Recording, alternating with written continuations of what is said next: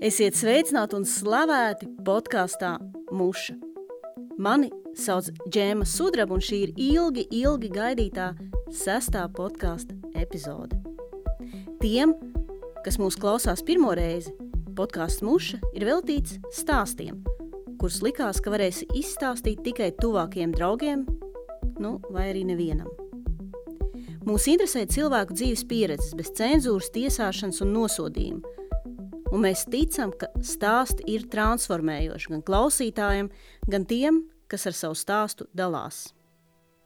Dažreiz pietiek ar to, ka tu kādu savu traumatisku vai sāpīgu vai dīvainu pieredzi ieliec stāstā, izdzīvo to vēlreiz, un tas palīdz labāk saprast, kas ar situāciju nebija lāgā un palīdz arī tikt tai pāri. Iepriekšējās epizodēs mēs esam runājuši par to, kā ir nonākt situācijās, kad mums likās, ka tā būs negatīva pieredze, bet mums iepatikās. Mēs esam runājuši par šķiršanos, par to, kā ir tad, kad dzīve apstājas un jāizsēžas gribētā vai negribētā pieturā. Kādas neveiksmes cilvēks mēdz pārsteigt darbiņā un to, ka neskatoties uz to, ka esam dažādi, tomēr esam pelnījuši tikt uzskatītiem par cilvēku. Atgādināšu, ka mēs gaidām jūsu stāstus. Ja jums ir ko pastāstīt, sūtiet ziņu uz podkāsts Musha – at gmail.com, podkāsts musha at gmail.com. Un paldies tiem, kas mums jau ir atrakstījuši savus stāstus. Un vēl ir iespējams kļūt par podkāstu mušu patroniem. Lai to izdarītu, ir jāiet uz patreon.com slash podcasts musha. Pagaidām Kamēr mēs vēl gaidām patronus, jūs varat mūs atbalstīt citos finansiāli netraumējošos veidos.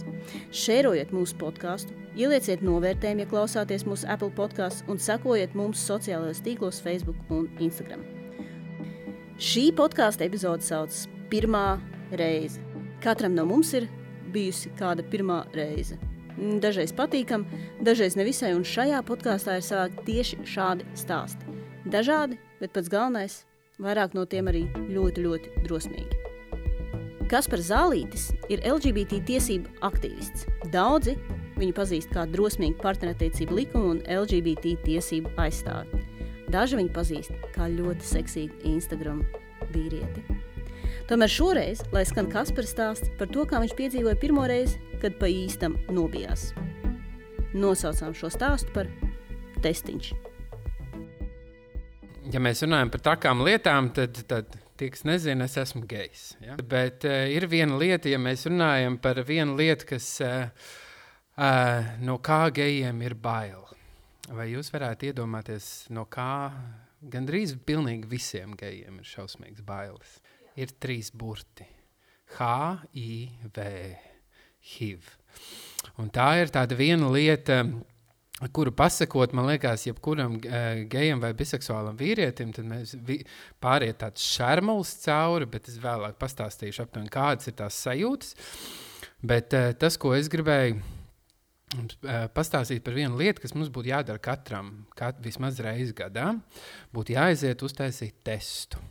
Tas prasa ārkārtīgi ilgu laiku, aptuveni 15 minūtes. Uh, un, Un, jā, un tad mēs zināsim visu, kas, kas mums ir vai kas mums nav. Un tagad tas, ko es gribu pastāstīt, ir eh, sākt ar to, kā es uztaisīju savu pirmo testu. Man bija nu, gadi 19, un tā kā mēs jau dzīvojam, mums kā, jāaiziet, un tā kā mums visiem bailes aiziet to visu izdarīt. Tā, rokas svīst, bet tu saproti, ka kāds no taviem draugiem ir bijis tur, uztaisījis. Tas prasa tikai 5 minūtes. To tagad kur mēs tagad esam pirmajā slimnīcā. Tur agrāk bija tāds bedra, ne, bet pagrabs, kur vajadzēja iet, pierakstīties. Tad es saņēmu dušu, pierakstījos, gāju tajā bedrē. Pagrabs, tur man sagaida viena kundzīte, kur tagad es jau pazīstu. Viņa sauc Inga. Viņa strādā testpunktā. Un man tā laipni sagaidīja, un tā, un tā pastāstīja, nu, vai mums ir bijis risks, un tā, nu, kuram mums nav bijis risks. Um, iedeva tādu anketiņu aizpildīt ja, ar kaut kādiem, nezinu, 11 jautājumiem, un tu tā leji ar katru to anketiņu cauri, un tad tu tā sāc domāt, tā, nu, tā, kā pareizi atbildēt vai nepareizi atbildēt. Nu jā, un tad viņi tā nosēžās, tev pretī iedot pirkstu. Un tad mēs iedodam pirkstu, un tā ir tas pretīgākā lieta, kas man dzīvē ir bijis no nu, mazbērnu ma, maz dienām, ir tā, dur pirkstiņā vienkārši.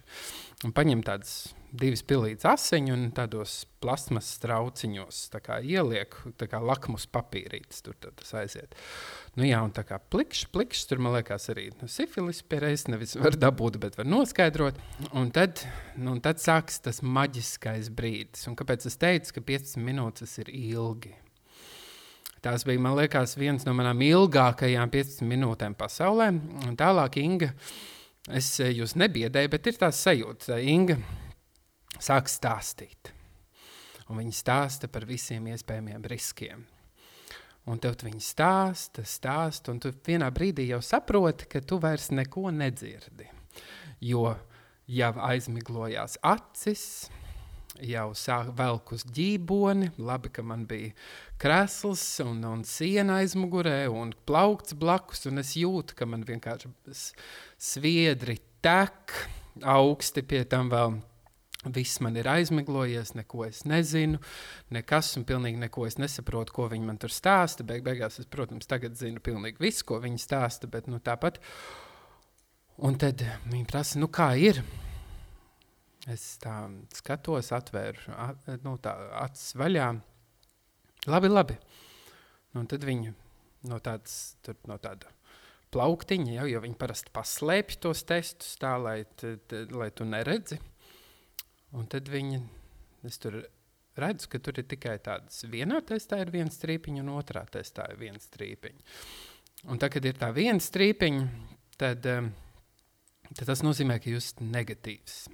Ja, tā kā mēs esam tādā, un, un tajā brīdī ir tas vārds, kad tev saka vārds negatīvs, tad tas būt, būšana negatīva, tā ir tāda, nu, tā kā laba ziņa.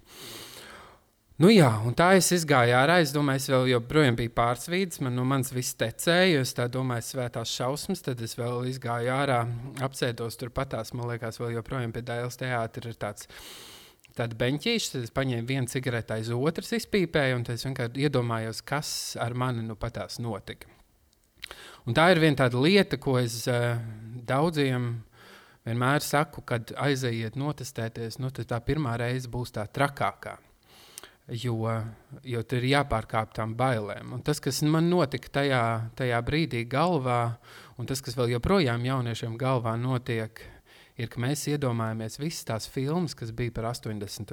gados, kā cilvēki mirra uh, mir no uh, aids. Un ir atšķirība tiem, kuriem nezina, kad ne, ne, nesakiet, kad kādam ir aids vai kā, cilvēkam ir HIV. Tas ir vēl infekcija, aids jau ir noteikta stadija. Un, jā, un tā es biju pārbijies. Man bija 80. gadi vēl ienākuši prātā. Es vēl pie reizes biju infekcijas centrā, nesen bijis ar cūciņām, un tur tieši ir blakām vēl HIV nodaļa, un tā tālāk. Viss man bija ienācis prātā tajā brīdī, un kopš tā brīža es apsolījos, nu, ka es taisīšu testu katru gadu. Nākošā reize bija pēc desmit gadiem. Uh, nu, jā, tā, tā viena no labām lietām ir tāda, ka es vēl joprojām esmu negatīvs. Bet uh, savukārt uh, tas, kas man visā šajā laika gaitā ir radies, ir uh, radušies daudz draugi, kas savukārt ir pozitīvi. Un tas ir pirmo reizi, kad mans uh, tuvs draugs uh, pateica, ka nu, tas arī bija tāds baisais stāsts, kad viņi uzaicināja ciemos. Tā kā apsēdās divānā, nu, tad, tad man te ir kaut kas jāpastāsta. Es domāju, nu, tā vīrietis stāvoklī, tu neesi, tad, tad, tad, tad, kas varētu būt. Viņš ir iespējams, ka tu ar mani vairāk negribēsi runāt. Iespējams, ka tu no manis baidīsies. Iespējams, viss kaut kas cits notiksies.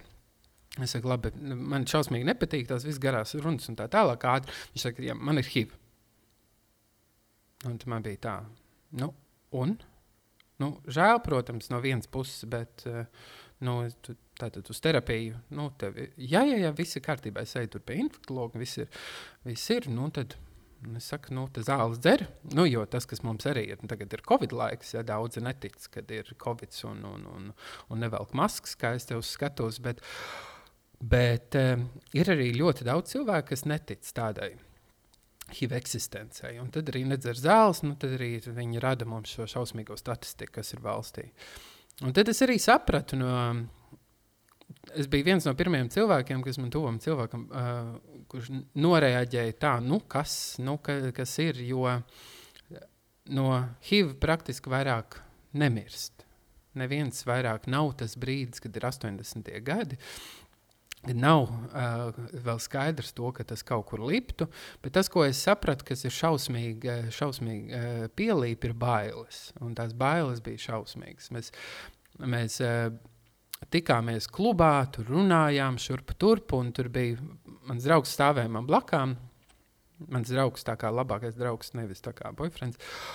Uh, stāvēja blakām, un mēs tur kaut ko runājām. Tur šurp tur bija iepazinies uh, ar to, un viņš man teica, ka viņš ir HIV pozitīvs. Un, un mēs bijām, nu, un?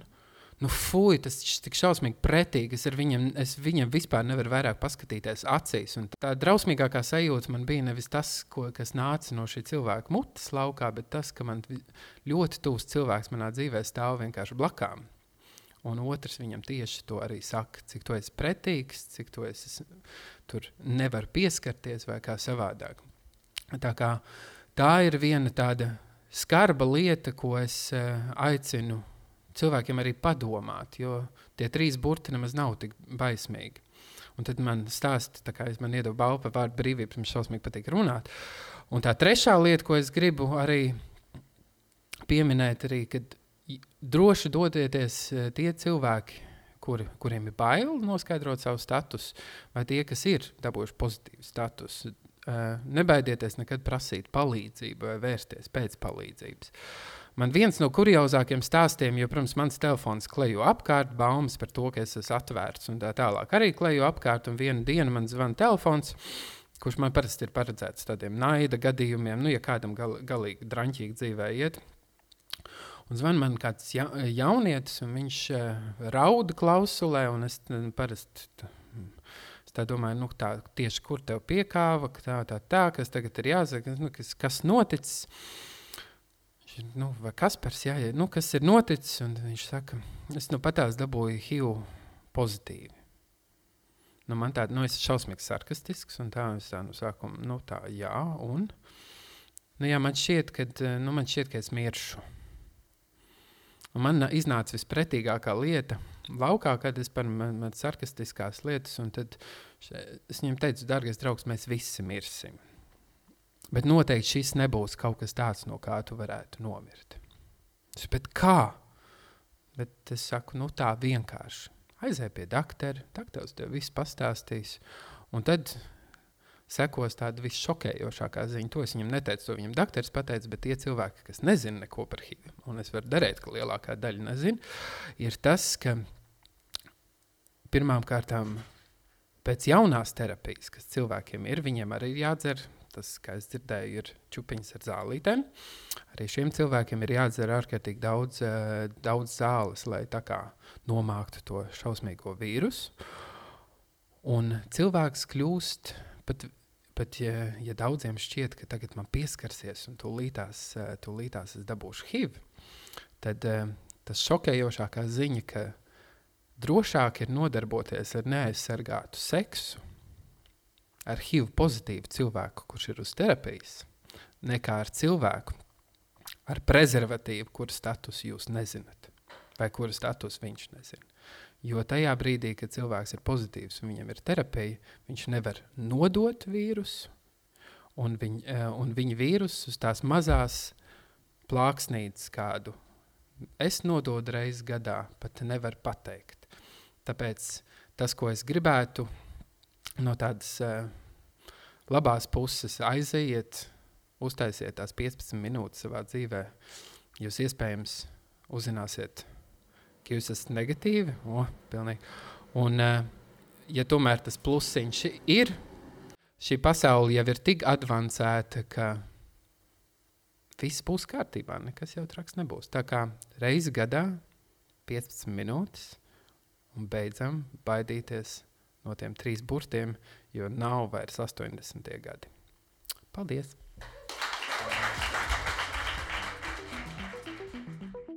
Ja jums patika Kaspars stāsts, sekojiet mūzikai un atbalstiet dzīves biedru kustību. Un sekojiet Kasparam arī Instagram. Līnārda kurpju izmērs ir 43. Un viņa stāsts ir viens no tiem, ko varēja dzirdēt starptautiskā jaunā teātra festivāla Homo Novus izrādē Jūdze manās kurpēs. Lielas paldies režisorei Adrianai Rozei par iespēju to atskaņot arī jums, mūsu klausītājiem. Brīdināšu, ka šajā stāstā ir pieminēta vardarbība. Nosaucām šo Linnārdu stāstu glāzītē.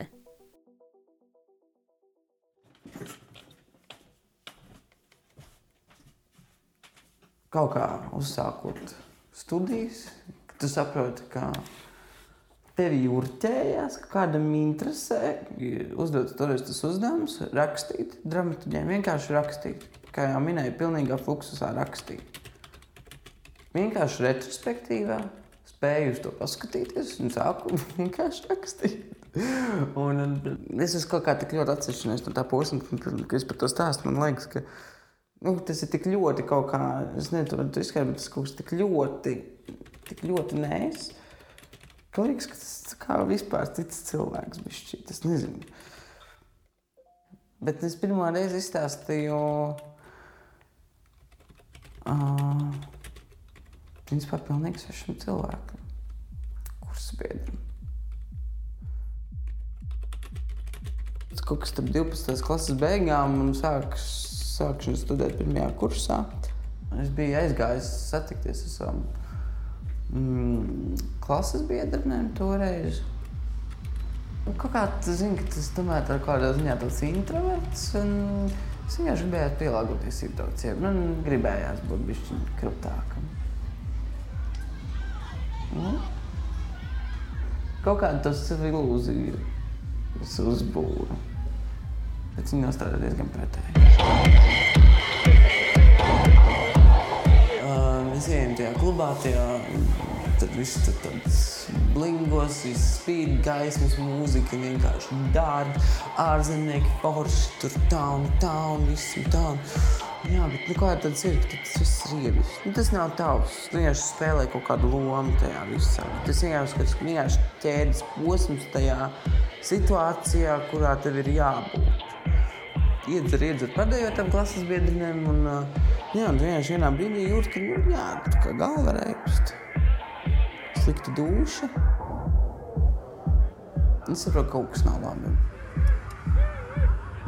Tajā glāzītē bija kaut kas, acīm redzot, kas man vienkārši izslēdza, ka es attapos, ka es esmu starp kaut kur esplanāde, tā darba cēlas galā, aptuveni pie, pie ministru kabineta. Vienkārši, ka tevi nešķitā te. Tu kaut ko tu cilvēkā lupat un tā un tā un tu. Es neko tajā brīdī pat nedomāju. Vienkārši es jūtu, ka man nesa cilvēki. Nu, lieli, stipri cilvēki. Un tu kā tāda dīvaina sajūta, ka tu kā uzticies, ka tu tas palika pahuļi. Darēt man, ko gribat. Tas bišķi mieka, tas drausmīgs nogurums. Es tikai atceros, tā.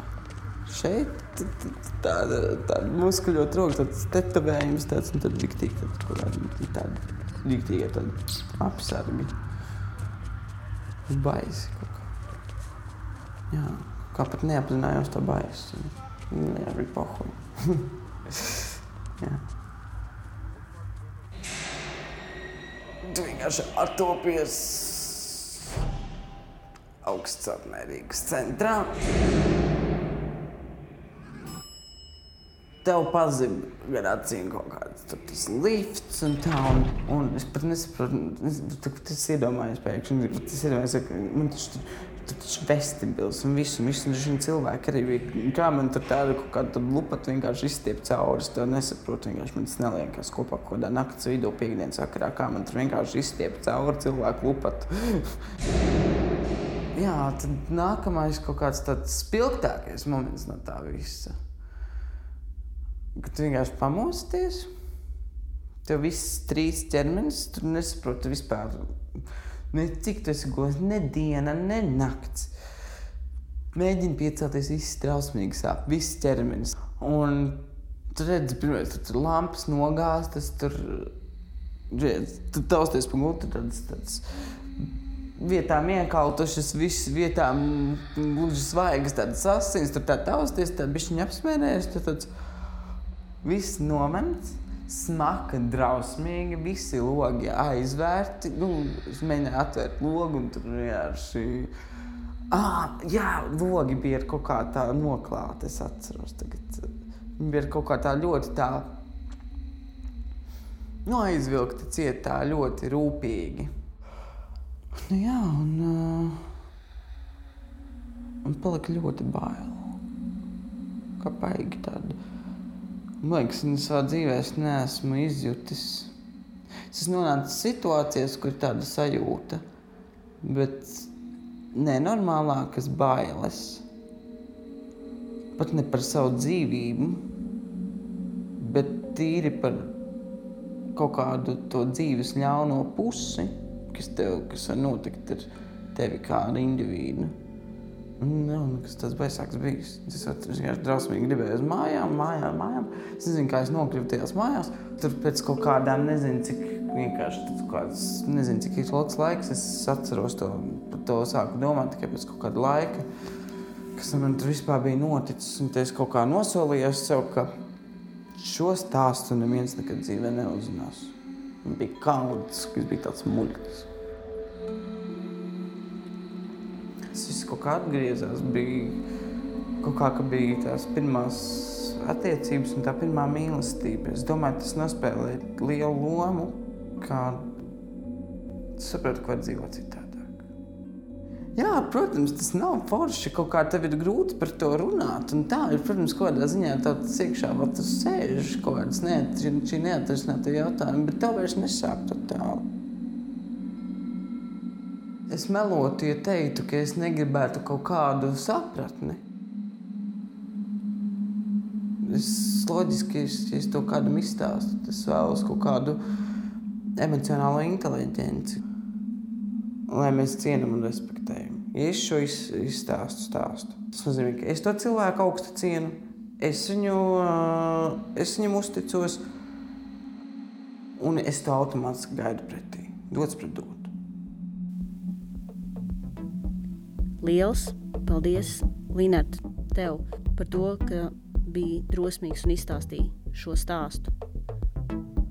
Laikā, kad mēs gaidām režisors Mārtas Martinsons filmu Tīzlens, būtu īstais laiks uzzināt, kas tad bija viņas pirmā filma. Ticiet man, tur ir viss. Kokaīns, divu litru alus, roka mūzika un pat delfīns. Klausāmies Mārtas stāstu pirmā filma ir jāslīcina? Tas bija gadu, es neatcerēšos, jo es nekad neatceros gadus, bet uh, es biju tikko sākusi studēt vēsturniekos. Un, uh, man likās, ka es kaut ko vēl vēlos darīt ar savu dzīvi, un man vienmēr patikušas filmas. Es domāju, ka nu, cik sarežģīti uztaisīt filmas, nav nekas tāds.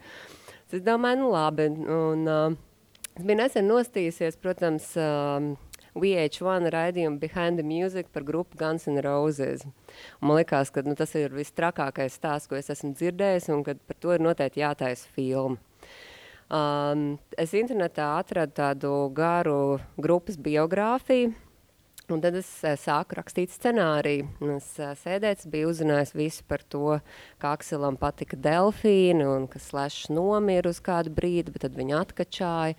Un, uh, nu, varskoties, tās tiešām bija ļoti, ļoti brīnišķīgi. Un, uh, Un es tādu pats vēl tagad iztēlojos to tā kā tādu filmas montāžu, kā es sēžu tajos bērniņos, man ir kaut kur 19 gadi, man liekas, un es sēžu un es rakstu to scenāriju. Un tas viņa pēc tam pārdrukāja datorā, jo nu, man nav datora pašai sev. Uh, un uh, es, protams, rakstu šo scenāriju angliski, jo šī filma taču varētu iet pilnīgi visā pasaulē, nevis tikai Latvijā. Um, Nu, jā, kā, eh, tas bija mans eh, tāds, eh, pir, pirmā pieredze ar kino. Un tad es sāku domāt, ka, nu, kā nu es pabeidzu scenāriju. Turklāt scenārijs bija nenormāli garš. Tā bija leģita filmas filma, ko es biju uzrakstījis ar ļoti asprātīgiem dialogiem. Tad es domāju, ka tur vajag tādu ļauno tēlu, un tas nevar būt tikai Aksels, jo man īstenībā bija tāds beigais krašs uz Aksela, un es negribēju, lai viņš parādās kā sliktais tēls. Un uh, tad es izdomāju, ka viņam būs uh, ļauns tā tāds uh, delfīns, kas viņam rādīsies un dos sliktus padomus. Tāpēc grupa izjuka nevis tāpēc, ka Aksels bija pimps. Uh, un, uh, jā, var teikt, bija uzrakstījis ģeniālu scenāriju, bet uh, nu, uh, man nebija piln, pilnīgi nekā cita, lai šo filmu uztaisītu.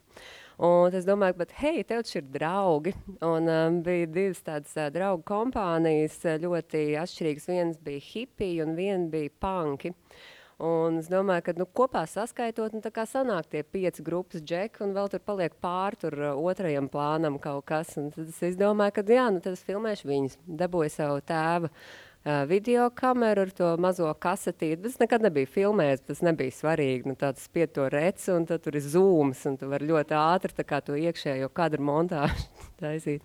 Jo es nezinu, nepratu montēt, es nebiju nekad tā īsti aizdomājis to, ka filmas montē. Uh, un, uh, Nu jā, un tāds es savācu, tā kā, nu, es zināju to, ka ir tikai viens veids, kā šos draugus pierunāt, ir tas, kad ja tu nopirks divlitrīgos alus diezgan daudz. Es uh, nopirku diezgan daudz divlitrīgos alus un teicu, ka, hei, man ir baigi labā ideja. Un tad uh, pusi no viņiem teica, ka viņiem vienkārši riebas Guns N' Roses, jo tā ir debīla grupa. Tad es teicu, es atvainojos, ko lūdzu. Un tad es viņiem, viņiem lika skatīties video klipus, kas bija ierakstīti video kastēs, lai viņi saprastu, cik tas ir krūti. Nu, tad viņi bija piedzērušies un teica, ka jā, nu, vai labi filmējam.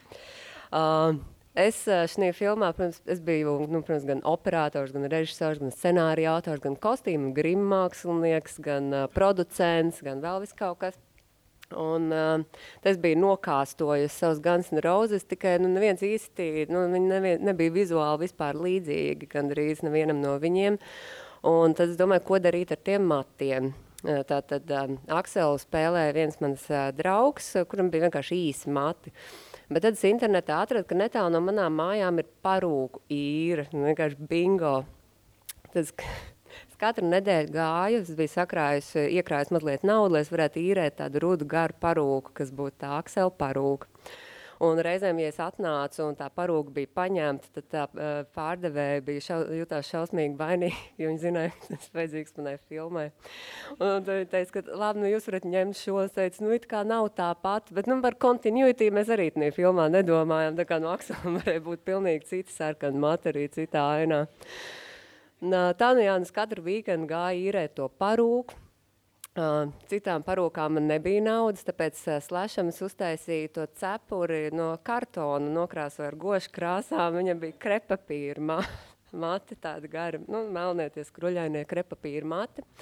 Un, um, Buņģierim, Stīvenam, toties bija vienkārši tāds divas kažokādas, ko es biju atradus mammas dzīvoklī, un tas viņas uzliku viņam uz galvas un apsēja ar bandānu, jo ar bandānu var pie galvas jebko piesiet, izrādās. Nu, sakot, jā, nu tad mums bija pirmā filmēšanas diena. Es iedevu visiem scenāriju, visiem bija jārunā angliski, jo šī ir kā, nu, angļu filma tomēr, jo nu, Gans un Raus savā starpā runā angliski. Ļoti apzinīgi tie draugi mācījās. Bet vienmēr bija tas, ka katra filmēšanas diena vai nakts eh, sākās ļoti nu, normāli, jo neviens vēl nebija pālī. Bet eh, tad uz tiem pēdējiem dubļiem viss tā nu, aizgāja tā aizvien tā pludenāk, jo visi vienmēr bija nenormāli piedzērušies. Bet nu, tas vienmēr labi darbojās. Tad es izdomāju, nu, tad filmēsim ballīti sainu. Tad tas, yes, kaut kas labs izdarīts. Nu, viņi ļoti apzinīgi mācījās tos vārdus, bet tad sākās problēmas ar tiem kostīmiem, tiem meitītes kostīmiem, ka neviens nu, negrib īsti tā kā vilkt, un tad iet piedāvā kaut kāds tāds drausmīgs džīnas šorts un visi tie džeki tā, uh, nu, Marta, nē, es nevilkšu tā kā neko tādu. Nekas pagāja divas nedēļas un bija kautiņš par to, kurš dabūs tos šortus, jo tie izstās tik labi. Uh, jā, var sakot, uh, tad uh, mēs sākām filmēt šo stāstu. Uh, es uh, arī iegādājos piepūšam delfīnu, lai mēs varētu tomēr kā, to ļaundaru filmā ievadīt. Un, Var sakot, tad, nu, arī, protams, tas filmēšanas stils bija brīnišķīgs, jo, nu, vēlreiz vēlas uzsvērt to, ka es vispār nepratu filmēt, un, Nu, vienkārši ieslēdz kameru un es laiku ar zoom pie kāda piebrauc, tā, kad viņš runā vairāk un tā mētājies. Un tā, kad, nu, tā, kad beidzās kasets, nu, tad nu, ieliec nākamo un tad filmē tālāk. Un, bet tad mums bija liels pavērsiens, kad mēs pierunājām manas draudzenes draudzeni, kas bija iestājusies kultūras akadēmijā. Kinošņikos, un mums bija tāds fakt, mums būs īsti, mums būs vienkārši īsti, tā kā viņi atnāca ar kameru, kam bija statīvs, un bija tā, āā! oh, my God, viņa ir objektīva un viņa tā kā saprot lietas. Nu jā, tad viņi sāk filmēt, mazliet pal palīdzēt mums šo filmu filmēt. Bet nu, nu tā, nu, sakot, tas process gāja diezgan ilgi, un tas bija ļoti jauki, jo mans tā laika rajons, kas bija Tallinas um, Tallinas ielas un tērbetas stūrs virs kroga brāzes bija ļoti savā ziņā atbalstošs, jo nu, pusi no cilvēkiem, kas tur dzīvoja, zināja, ka mēs filmējam filmu. Un katru reizi, kad gāja veikalā, viņi nu, ceļš, nāca kopā ar džekiem, kuriem kažo kādas uz galvas piesiets. Viņi saka, oh, nu, kā jums ir filma? Ja, ir forši, forši, viss kārtībā, dodiet piecas divčas, lūdzu. Um, nu, tā, tā kā viņi tiešām mums ļoti visi atbalstīja. Kroks brālis pat ļāva mums vienreiz pie viņiem filmēt, kas bija brīnišķīgi. Tad mēs, protams, tā kā no tur bija, tādā brīdī viņam dizains bija, ka visur bija uh, pie sienām uzzīm, uh, uzzīmēti brāļi. Un nu, tas tā, brālis, brāļi, tā interesanti, smieklīgi ļoti, protams. Un mēs izvēlējāmies, ka no fonā lai brāļi Kennedy, protams, nevis tur Šumacheru brāļi, jo tas neatbilst laikmetam, tā kā jau vēsturnieki tomēr mēs bijām. Uh, un tad bija brīnišķīga epizode par to, kad... Uh, Vienam no džekiem bija, nu, protams, tā ir filma par narkotikām. Viņam bija jāšņauc kokaīns.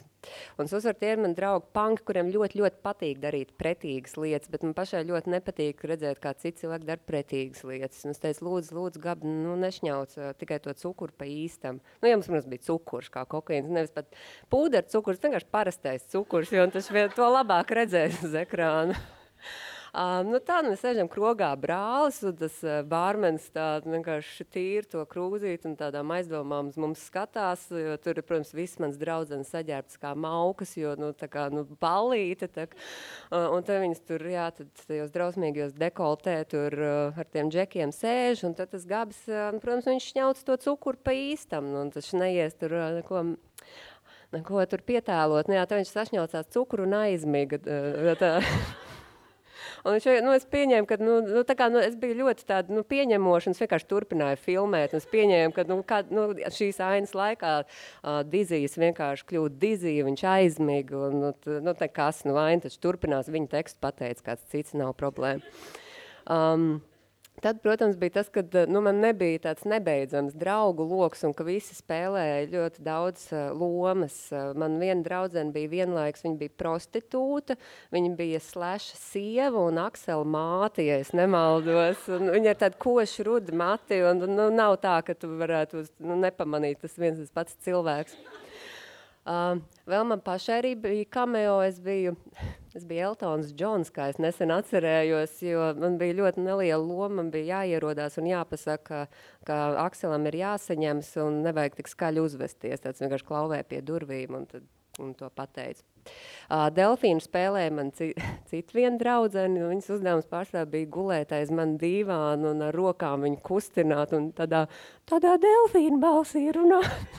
Viņa runāja tādā delfīnu balsī, un katru reizi skat, skatoties materiālu, tagad es kā no kino cilvēks var izmantot šo uh, terminu, bet tas, nu jā, uh, Man sakot, vienmēr bija skaisti redzēt tās rokas, kas izlīd no tās aizdīvāna un met to delfīnu prom, tad, kad viņš aizgāja. Uh, uh, tā, jā, tā, tā, tās man ļoti patika. Un vēl bija brīnišķīgi, man uh, viena no favorīta epizodēm viennozīmīgi bija, kad Aksels jūtas sagrauts, viņš saņem telefonu zvanu, bet man nebija stacionārā telefona mājās, nekās kāda atšķirība, paņemt televizoru pultu, viņi izstāstā kā klausulu. Tas stāvējais kameras, un Aksels paceļ acīm redzam televizoru pultu, viņš pieliek viņu pie auss, un es, es, es vēl fonā saku tring, šis zvana telefons. Uh, nu jā, nu tā, tā mēs kādu laiku pavadījām. Bija pāris tādas smagākas epizodes. Viena bija Bet tā bija arī tāda traģiska epizode, jo viens uh, no varoņiem bija pārdozējis narkotikas, viņš mira. Un uh, tad uh, Slasham bija jākliedz, uh, he's twitching in convulsions on the ground, don't you die on me, man. Un viņam bija viņš jāiepļauj, kā tas jau tad prāt rakstīts scenārijs, ļoti labi. Un, um, Problēma bija tāda, ka Slash nevarēja atcerēties tekstu nekādīgi, un mēs viņu printējām un līmējām pie sienas, un katru reizi aizvien lielākiem, lielākiem burtiem, lai nu, beidzot to uzfilmētu, jo mēs pie tam to filmējām manā kāpiņu telpā pie kaimiņu durvīm, un es laikam cerējām, ka viņi nenāks diez pas laukā un neko neteiks. Un tāds džeks īstenībā kaut kāds divas, trīs stundas, tas, kurš spēlēja to, kas bija nu, atslēdzies, viņš trīs stundas vienkārši gulēja pie man kaimiņu durvīm, kamēr otrs kliedz. He's Es aizmirsu. Un saka, twitching in convulsions on the ground. Ah, twitching in convulsions. Uh, ok, tad vai filmēm varam, varam. Atkal nav. Nu jā, tā mēs trīs stundas to tā, šādā veidā pavadījām. Nu, var sakot, uh, viss bija diezgan brīnišķīgi. Bija pat pāris, bija pat pāris ainas, ko mums samontēja. Tas bija tā, wow, wow, wow, tā kā kaut kas montējas. Ja, um, Jo viss, protams, montējas ļoti labi, ja tu visu filmē vienā lokācijā, jo viss filmē savā dzīvoklī, un tu tikai pārbīdi dīvāni, ja dīvāns pa kreisi, tas ir slēša dzīvoklis. Ja tā kā otrā pusē tad Aksel, un ja ir krēsls, tad tā ir VH1 studija. Nu, tā totāli nevar pamanīt, ka tā ir viena tā pati. Un uh, vēl arī bija ļoti skaisti, kā mēs filmējām arī ierak, nevis ierakstu studiju, bet um, plašu veikalu kur uh, strādāja viens no Roses draugiem. Uh, to mēs vienkārši filmējam manā virtuvē. Ja tu atbalsti pret mikroviļņu krāsni trīs plates ar krievu uzrakstiem, tad tas ir Amerikas uh, plašs veikals. Var sakot, jā, nu, uh, mēs uh, diezgan daudz ko safilmējam, paskatījāmies to materiālu, un tad, uh, un tad es izdomāju, ka es uh, braukšu prom no Latvijas, un es kaut kā savāc visas mans, Un uh, tas skumjais stāsts tāds, ka viss šis materiāls ir zudis un neviens vairs nav neko, nevar viņu atrast, jo tas tomēr bija laiks, kad uh, nebija tādi pieejami tie lielie cietie diski, kur vienkārši visu to materiālu saliec, saliec tikai krāju un krāju, un tas bija, nu, tie tev datorā trūkst vietas, nu, diemžēl, nu, ja tā nav tava filma, tu izdzēs to materiālu. Tā kā, nu, viņa ir palikusi kaut kur atmiņās. Es vēl ceru, ka šī kasete kaut kur uzradīsies, jo es vēlētos vismaz redzēt vēlreiz eh, piepūšamo delfīnu, kurš saka, why are you so sad, Axel? Cheer up! Un tad viņu izmet tādas rokas laukā no kadra. To es gribētu vēlreiz redzēt. Bet eh, jā, par to fake it till you whatever. Lieta ir tāda, ka uh, Pēc vairākiem gadiem stājos uh, Kultūras akadēmijā uz uh, kino režisoriem, un man bija jāfilmē savs iestāšanās darbs. Un, um, es neteikšu, ka es beig daudz ko biju vairāk paspējis iemācīties to laiku, jo es kaut kā, nu, tā kā domāju, ka, nu jā, nu, kaut kas tur būs jāuzfilmē, tas vienalga. Un tas jau vienalga, ka maģistratūra un viss tur cilvēki saprot kaut ko. Un es kaut kā es tā stresa, tā, nu, izdomā, nu, es kaut kā es lieku domāt to, ka, nu, es te mācīšos, patrenēšos filmēt, patrenēšos filmēt. Neko es nepatrenējos, un tad bija jāfilmē šis uh, iestāja eksāmena darbs. Es sarunāju vienu draugu, kas man palīdzēs, divus aktierus, kas varētu atnākt, tur kaut ko padarīt. Tāpat es joprojām nepratu montēt, un tā, nu, ļoti līdzīgā tādā stilā es arī uzfilmēju filmu par to, kā vīrietis apsēž uz kabaču, un viņam ir ļoti slikta diena šī iemesla dēļ. Un um, iestājos kultūras akadēmijā. Un jā, tagad tā ir savu filmetrāžas filmu pirmo. Jā, paldies! Ja jums patika Martas stāsts, sekojiet viņai Instagram, novērtējiet viņas ģeniālās scenāristas prasmes Alis Zariņas filmā Blakus, noskatieties viņas režisēto klipu grupai Oranžās brīvdienas, un es jau teicu, gaidiet filmu Tīzlenes. Signes vārds šajā ierakstā ir mainīts, un mainīti ir arī darbojošos personu vārdi. Kurā brīdī mēs piekrītam tam, kam nebijām iedomājušies, ka varētu piekrist? Klausāmies Signas stāstu, iešņauts celiņu. Mana omīte saka, ka vidusskola ir jautrākais dzīves laiks. Un viņa pareizi saka, jo man tāds patiešām bija. Reiz mēs ar draugu nonācām kādā slavenā Rīgas naktsklubā, uz kuru dodas sabiedrībā atpazīstami un turīgi cilvēki. Kāds simpātisks vīrietis bija ieradies kopā ar savu mīļoto, slavenu influenceri, par kuru tobrīd mēs ar draugu kaislīgi fanojām. Kamēr viņa mīļotā influencera toaletē iespējams šņauca kokaīnu kopā ar citu vīrieti, viņas kavalieris mums ar draudzeni izmaksāja dzērienus. Tā mēs iemetāmies sarunās ar jauniepazīto vīrieti. Sauksim viņu par Dāvidu. Vēlāk mums pievienojās arī viņa draudzene. Mēs stāvējām ciešā aplītī smēķēšanas zonā, kad es sajūtu, ka Dāvids aiztiek manu dibenu. Es biju naiva un kautrīga meitenīte, kura neuzdrošinājās ārēji reaģēt uz šo, bet iekšēji bija ļoti, ļoti samulsusi. Paskatījos uz viņu, tad paskatījos uz viņa draugu, kur arī redzēja, kā viņš aiztiek manu dibenu. Vēlāk Dārvids man piedāvāja iešņaukt, bet uz to es atteicos. Tad viņš piedāvāja, varbūt tu gribi forsam, mēs varam aizbraukt pie manis. Tā kā es nezināju, ko nozīmē vārds forsam, es atbildēju, jā, vai. Man gal galā tie foršie cilvēki aicina pie sevis, kāpēc lai es nebrauktu. Pēc desmit minūtēm mēs ar draugu Dāvidu un viņa influenceri jau sēdējām taksī uz viņu māju. Pa ceļam uz mājām, uz ielas un kāpņu telpā es visu laiku nesapratu, kāpēc ir jāiztiek dibens. Bet jo vairāk viņš to darīja, jo lielāka apgaismība par mums nāca, un es sapratu, fuck, nē, es negribu šīs izvērtības. Mēs iegājām dzīvoklī, un es draudzenei teicu, ka vajadzētu jau doties prom. Bet, nu labi, Dāvids piedāvāja iedzert vismaz vīnu kuru es ap citu nedzēru, jo man šķita, ka tur kaut kas varētu būt iebērts, un es visu laiku to lēju Dāvida divāns braugā. Pēc laiciņa Dārvids ar savu draugu saprata, ka šīs divas mazās meitenes nesaprot, kas te vispār notiek. Pasmējās un laida mūs mājās. Draudzīgi atvadījāmies, un pirmajā reizē nekas nenotika. Mēnesi vēlāk mēs ar Dāvidu sākām sarakstīties Facebook. Viņš bija izšķīries no savas draudzenes. Bija vakars, un es garlaikot sēdēju savās valmieras kojās. Viņš piedāvāja braukt pie viņa, un man divreiz nekas nebija jāsaka. Es iegāju dušā un ar slapjiem matiem iekāpu pēdējā autobusā, lai dotos uz Rīgu. Es zināju, ka mēs pārgulēsim, un tas arī notika. Mēs sākām satikties vēl un vēl, līdz tas kļuva regulāri. Tobrīd bija aizsākusies paralēla Rīgas dzīve. Kāds izskatījās? Tas bija tā, ka Valmierā es biju parasta vidusskolniece, kur dzīvoja kojās, dzēra 14, tusējās un gāja ārā ar draugiem. Bet Rīgā, blakus Dāvidam, es izlikos par turīgu dāmu, lai gan Dāvids patiesībā nezina, kā es upurējos. Pirms tikšanās reizēm ar viņu es reizi Rimī toltē lakoju nagus. Visi mani glītie uzvalki, ar kuriem es gāju vakariņās uz Vincentu, bija pa diviem eiro no humpalām. Un vēl es vienreiz skrēju par Rīgu, lai dabūtu Wi-Fi, jo man bija beidzies kredīts un es nevarēju piezvanīt Dāvidam. Dāvids man veda uz smalkām vietām un iepazīstināja ar saviem draugiem. Un vakars vienmēr noslēdzās, protams, ar seksu viņa dzīvoklī. Tie bija īpaši vakari un naktis, taču vienreiz vakars bija īpašāks nekā citi vakari, jo pie mums atnāca viņa draugi Edgars un Kristīna. Mēs sēdējām dīvānā, sarunājāmies, un vēl viņi ik pa laikam iešņauca un jautāja, varbūt tev arī vajag iešņaukt vienu celiņu.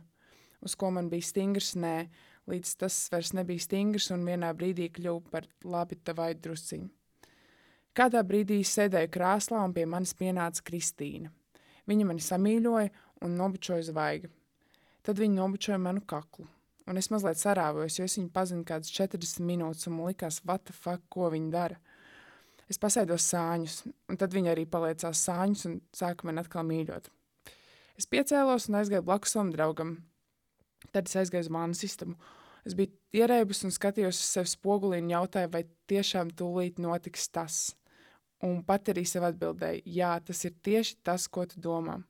Tad es sev jautāju, vai tu to gribi? Hmm, nezinu. Bet es zinu tikai to, ka man ir bail no tā. Izgāju no toaletes un aizgāju apsēsties blakus savam draugam. Prasīju, kas pie vēlna te notiek, uz ko viņš atbildēja, ka varbūt man vajag iešņaukt sniedziņu. Nu, labi, drusciņi. Tad atnāca Kristīna vēlreiz. Viņa prasīja, kā es jūtos, un pirms es atbildēju, viņa sāka man skūpstīt. Nezinu, kāpēc, bet es vairs nepratojos. Manā galvā visu laiku bija jautājums, vai es to gribu. Jo, ja es to negribētu, es taču varētu teikt nē. Varbūt es nezināju, kā man tas būtu jādara. Nē, es taču visu biju redzējis Pornhubā 5. klasē skolas bibliotekā. Es vienkārši atļauju visam notikt. Es atļauju novilkt viņai manas bikses un aiztikt mani. Es to neizbaudīju, bet man šķiet, ka diezgan ok notēloju.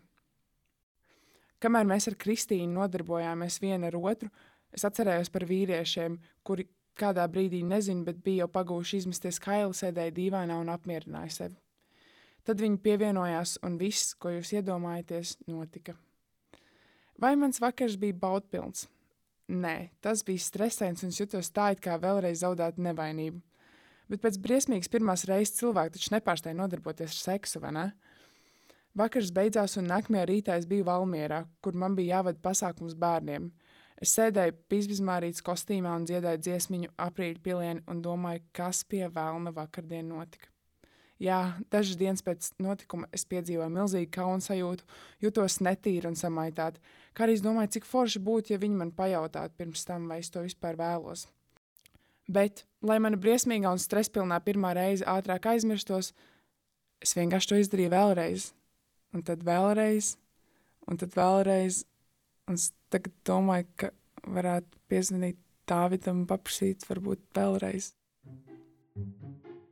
Nu, ko, mīļie draugi, paldies par to, ka bijāt kopā ar mums podkāsta Muša sastajā epizodē ar nosaukumu Pirmā reize. Mēs ļoti, ļoti, ļoti gaidām arī jūsu stāstus. Sūtiet tos uz podkāstu muša at gmail.com un liels, liels paldies tiem, kuri savus stāstus, starp citu, jau ir atsūtījuši. Iespējams, tie ir jūsu draugi. Iespējams, tajos stāstos negatīvā gaismā esat pieminēti jūs. Bet to jūs nekad neuzzināsiet, ja neatsūtīsiet savus stāstus pirmie, pirms jūsu draugi to izdara. Atgādināšu, ka mušu veidoja es, Džēma Sudraba, Mārta Herca, Agata Mežola, Alisa Krauja, Kerija Broka, Monta Kaiva – kurai starp citu sūtam īpašas bučiņas sakarā ar universitātes absolvēšanu.